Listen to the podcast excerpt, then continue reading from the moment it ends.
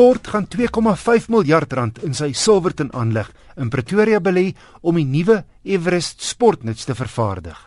Ongeveer 1200 nuwe werksgeleenthede sal so geskep word. Die Everest modelle sal teen die 4de kwartaal vir die plaaslike en uitvoermark beskikbaar wees. Op die oomblik word die Everest van Thailand ingevoer en dan word die plaaslik vervaardigde 3,2 liter turbo diesel gebruik. En wanneer die Everest wat heelwat onderdele met die plaaslik vervaardigde Ranger bakkie deel hier monteer word, gaan goedkoper 2,2 liter turbo diesel modelle ook te koop wees. Ek het 'n brief ontvang van George Billingen daar van Albertinia in die Suid-Kaap. Hy skryf: "Ek sal graag wil weet hoe die turbo lewe verleng en verlig kan word tydens 'n rit, asook wanneer die enjin afgeskakel word na 'n lang rit." Teen 120 km/h. Ek verwys spesifiek na die Fortuner se 3 liter diesel enjin skryf hy. Ek het gaan aanklop by Nicolou, die tegniese redakteur van die tydskrif Car. Wessel ja, ek dink ons moet 'n bietjie agtergrond skets voor ek kom antwoord. Jake Venter, my voorganger hier by Car, het so 13 jaar terug 'n artikel gedoen in Car tydskrif met die naam van Pop Ghost the Turbo. En ek dink dit het baie mense nogals bang gemaak oor turbo aanjaars. En dit was natuurlik die vorige generasie turbos. Dit het toe net in passasiersvoertuie ingekom en so aan. Vandag is dit heeltemal anders. En ja, Jules is reg. Ek bedoel mense kan amper 'n nuwe voertuig vandag koop sonder 'n turbo nie. As jy gaan kyk na BMW byvoorbeeld, daar's nie 'n enkele model wat jy kan koop wat nie 'n turbo enjin het nie behalwe 'n elektriese kar die i3. Die rede hoekom vervaardigers nou almal turbos begin gebruik, is nie regtig vir meer krag nie. In die ou dae was 'n turbo mos altyd vir verrigting. Vandag gaan dit meer oor ekonomie. Jy gebruik daai energie in die uitlaat uh, gasse wat gewoonlik nou net verlore sal gaan om die druk aan te jaag om dan vir jou daai boost te gee en dan daai hoë kraglewering, maar dis energie wat gewoonlik verlore sou gaan.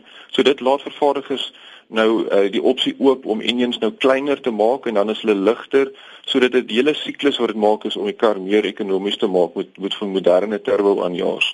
Die probleem van 'n turbo aanjaars, veral die vorige generasies was soos George reg sê, as jy nou die engine hard laat werk, daai revolusies van daai as wat in die turbo is wat die kompressor en die turbine verbind kan tot en met 200 000 revolusies per minuut draai.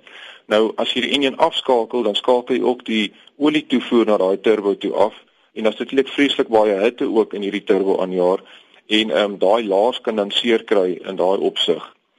Waar dit nou verander het in die moderne tye waar ons vandag leef, is daar 'n stelsel byvoorbeeld stop-start, ehm um, wat nou jou enjin afskakel in moderne voertuie as jy by 'n stopstraat of by 'n rooi lig is om brandstof te bespaar en dan moet jou turbo dit kan hanteer om teen enige tyd afgeskakel te word. So wat die vervaardigers nou doen in baie van hierdie moderne turbos is nou waterverkoel en hulle het selfs elektriese waterpompe sodat wanneer jou enjin afgeskakel is, dan sirkuleer daar nog steeds water deur die turbo om af te koel.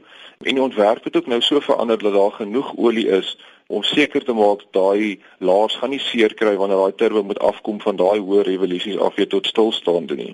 So in kort, die ingenieurs het eintlik die meeste werk gedoen vir ons vandag. Dit beteken daar is nie vreeslik wat ons as uh, bestuurders van die voertuig uh, kan doen om na die turbo lewe te verleng nie.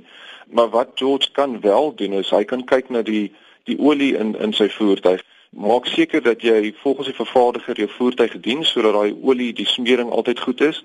En dan natuurlik gebruik die beste kwaliteit diesel as jy diesel voertuig ry wat jy kan. So 50 ppm of selfs ek sien daar's nog al 10 ppm beskikbaar ook. Want die hoër swaal inhoud maak ook dat die smering van die olie vinniger afneem. En dan ek dink ook wat hy kan doen is dit geld vir enige enjin of hy turbo is of nie 'n turbo nie. As jy mooi na hom kyk, gaan hy mooi na jou kyk. So moenie hom nou nie te hard jaag as hy koud is nie en ja, hoe meer verrigting jy uit die enjin uit wil kry, hoe meer stresse gaan jy op al die komponente sit. So dis maar net iets om in gedagte te hou. Nikkel nou hierdie Fortuner 3 liter turbo diesel masjien is al bietjie ouer generasie. Is dit hoegenaamd nodig om die masjien te laat luier as jy nou lank hard gery het?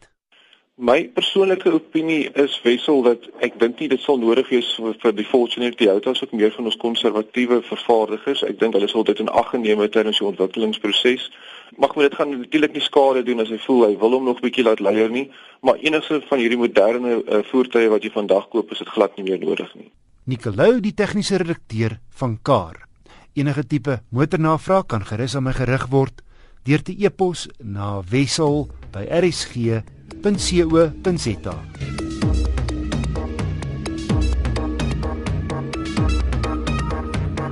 Hier's van dese week se wenk.